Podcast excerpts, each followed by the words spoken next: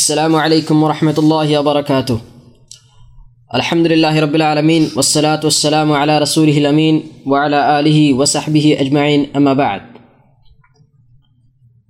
শ্ৰোতামণ্ডলী আজিৰ এই পৰ্বত আমি আলোচনা কৰিম ৰজব মাহ সম্পৰ্কে কিছুমান সতৰ্কবাণী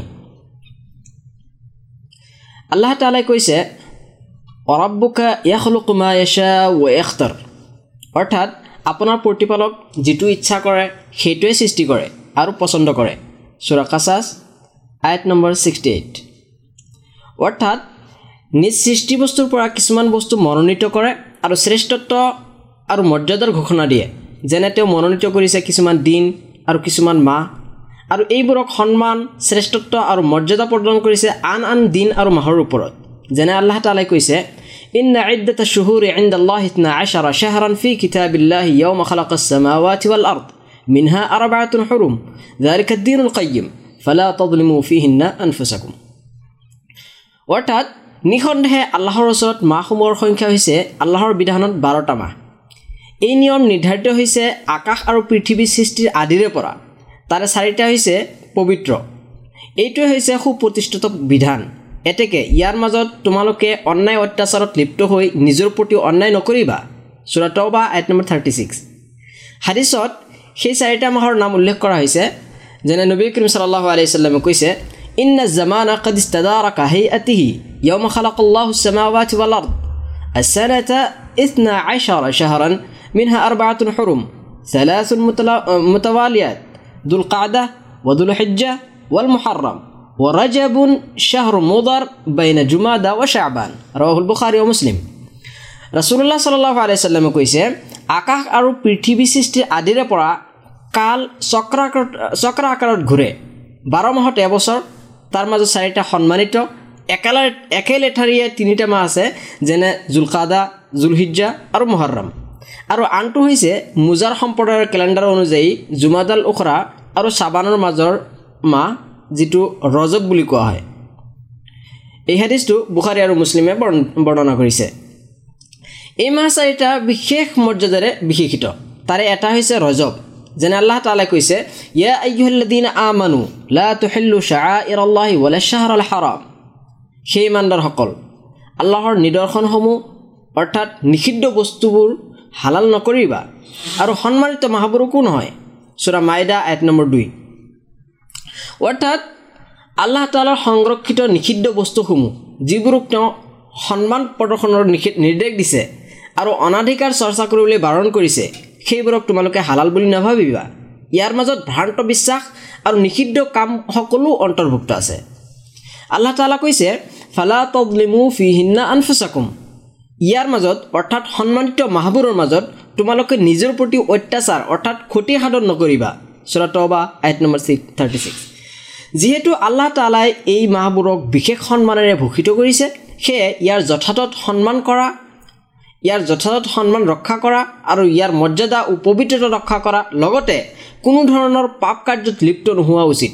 তথাপিও সময়ৰ পৰিৱৰ্তনত বহুতো জঘন্য আৰু মাৰাত্মক অপৰাধ হৈ থাকে। সেয়ে আল্লাহ তালা উক্ত আয়তত নিজৰ ওপৰত অন্যায় অত্যাচাৰ কৰিবলৈ নিষেধ কৰিছে। আনহাতে নিজৰ ওপৰত অন্যায় কৰা বা আন কোনো পাপ কৰ্মত লিপ্ত হোৱাটো সকলো মাহতেই হাৰাম বা নিষিদ্ধ। এতিয়া হওক আমি আলোচনা কৰিম ৰজব মাহক কেন্দ্ৰ কৰি কিছুমান নৱাৱস্কৃত আমল যিটো বিদাত। এক নম্বৰ ৰজব মাহৰ ৰোজা। ৰসুল্লাহ চাল্লাহ আলাইচাল্লাম আৰু তেওঁৰ চাহাবাসকলৰ পৰা ৰজব মাহৰ ৰোজাৰ ফজিলত সম্পৰ্কে প্ৰমাণিত কোনো দলিল পোৱা নাযায়। কিন্তু আন আন মাহৰ দৰে এই মাহতো সপ্তাহৰ প্ৰতি সোমবাৰ বৃহস্পতিবাৰ প্ৰত্যেক মাহৰ তেৰ চৈধ্য পোন্ধৰ আৰু যদি কোনোবাই একেলেঠেৰে ৰোজা ৰাখিব খোজে তাৰ বাবে এদিন ৰোজা ৰখা আৰু এদিন নৰখা এইবোৰ কেৱল বৈধই নহয় বৰং চুন্নত উমৰ ৰাজি আল্লাহ তালা আনহু ৰজব মাহৰ ৰোজাৰ পৰা মানুহক নিষেধ কৰিছিল কাৰণ ইয়াত ইছলাম পূৰ্ব কুসংস্কাৰৰ লগত সাদৃশ্যতা পোৱা যায়। হাফিজ ইবনে হাজাৰ আছকালানী ৰহমুল্লা আল আছকালানী ৰহমুল্লাই কৈছে ৰজব মাহৰ নিৰ্দিষ্ট অনিৰ্দিষ্ট দিনৰ ৰোজা সম্পৰ্কে কোনো চহী হাদিছ বৰ্ণিত হোৱা নাই।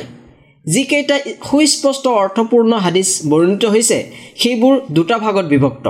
জয়ীব বা দুৰ্বল আৰু আনটো হৈছে মজু বা জাল হাদিছ। তেখেতে সেই গোটেইবোৰ হাদিছ একত্ৰিত কৰিছে।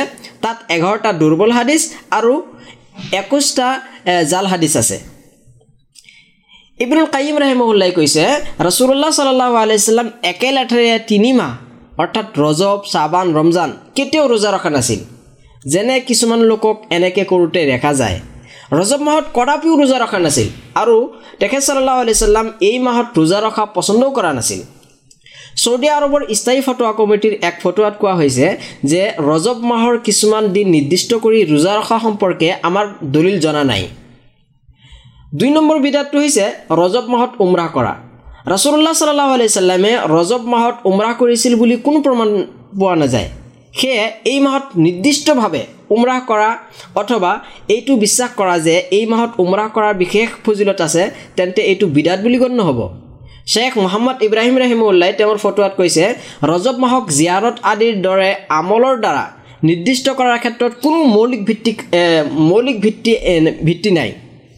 কাৰণ ইমাম আবু চামেয়া তেখেতৰ পুথি কিতাবুল বিদা আউল হাৱাদিছত প্ৰমাণ কৰিছে। চৰিয়তক আওকাণ কৰি কোনো সময়ৰ লগত কোনো ইবাৰত নিৰ্দিষ্ট কৰাটো অনুচিত আৰু অবৈধ। কাৰণ চৰিয়তৰ ফালৰ পৰা বিশেষ অথবা সাধাৰণ আমলৰ বাবে কোনো সময় নিৰ্ধাৰণৰ সময় নিৰ্ধাৰণকৰণৰ বাহিৰে সকলো দিন সকলো সময় সমান মৰ্যাদাৰ। এইবাবে ওলামাসকলে ৰজব মাহত বেছি বেছি উমৰাহ কৰিবলৈ নিষেধ কৰিছে। কিন্তু যদি কোনোৱে স্বাভাৱিক নিয়মত অৰ্থাৎ ফজিলত বিশ্বাসবিহীন ৰজব মাহত উমৰাহ কৰে তাত কোনো অসুবিধা নাই। কাৰণ এই সময়ত তেওঁ উমৰাহ কৰাৰ সুযোগ পাইছে সুবিধা পাইছে। তিনি নম্বৰ বিদাতটো হৈছে চলাতুৰ ৰাগাইব। হাদিছ শাস্ত্ৰৰ কিছুমান মিছা অপবাদৰ দ্বাৰা এই নামাজৰ সূচনা হয়। এই নামাজ ৰজব মাহৰ প্ৰথম ৰাতি পঢ়া হয়। এই বিষয়ে ইমাম নৱাবী নৱাবীয়ে কৈছে এইটো নিন্দনীয় ঘৃণিত জঘন্যতম বিদাত। যিটো কিছুমান অপৰাধ আৰু নিষিদ্ধ কৰ্মৰ সমন্বয়ত ৰচিত। গতিকে ইয়াক পৰিত্যাগ কৰা ইয়াৰ পৰা বিৰত থকা আৰু ইয়াৰ সম্পাদনকাৰীক নিষেধ কৰা অনিবাৰ্য। শ্বেখুল ইছলাম ইমাম ইবনে তৈমিয়া ৰহিমুল্লাই কৈছে মালিক শ্বাফি আবু হানিফা চৌৰি লাইছ প্ৰমুখ ইমামসকলৰ মতে চালাতুৰ ৰাগাই বিদাত। হাদিছ বিশাৰদসকলৰ দৃষ্টিত এই বিষয়ে বৰ্ণিত হোৱা সকলো হাদিছ জাল। চাৰি নম্বৰ বিদাতটো হৈছে ৰজব মাহৰ সাতাইছ তাৰিখৰ ৰাতি লাইলাতুল মিৰাজ ধাৰণা কৰি সভা বা বৈঠক আয়োজন কৰা বিদাত মিৰাজৰ ৰাতি অথবা মিৰাজৰ মাহ নিৰ্ধাৰণৰ ক্ষেত্ৰত কোনো সঠিক প্ৰমাণ পোৱা নাযায়। এই বিষয়ে বহুতো মতানৈক্য আছে সত্য অনুদঘাটিত। গতিকে এই বিষয়ে নিমাত থকাটোৱে ভাল। মিৰাজৰ ৰাতি নিৰ্দিষ্ট কৰাৰ বিষয়ে কোনো বিশুদ্ধ হাদিছ বৰ্ণিত হোৱা নাই। যিবোৰ পোৱা যায় সেইবোৰ আটাই জাল বা ভিত্তিহীন। চাওক আল বিদায়া নিহায়া দুই নম্বৰ খণ্ড এশ সাত পৃষ্ঠা। এতেকে এই ৰাতি অতিৰিক্ত ইবাদত ধাৰ্য কৰা যেনে ৰাতি জাগৰণ কৰা দিনত ৰোজা ৰখা অথবা ঈৰ্ষা উল্লাস প্ৰকাশ কৰা নাৰী পুৰুষ অবৈধ মেল কৰা গান বাদ্যসহ মেহফিলৰ আয়োজন কৰা যিটো চৰিয়ত কৰ্তৃক স্বীকৃত ঈদতো হাৰাম।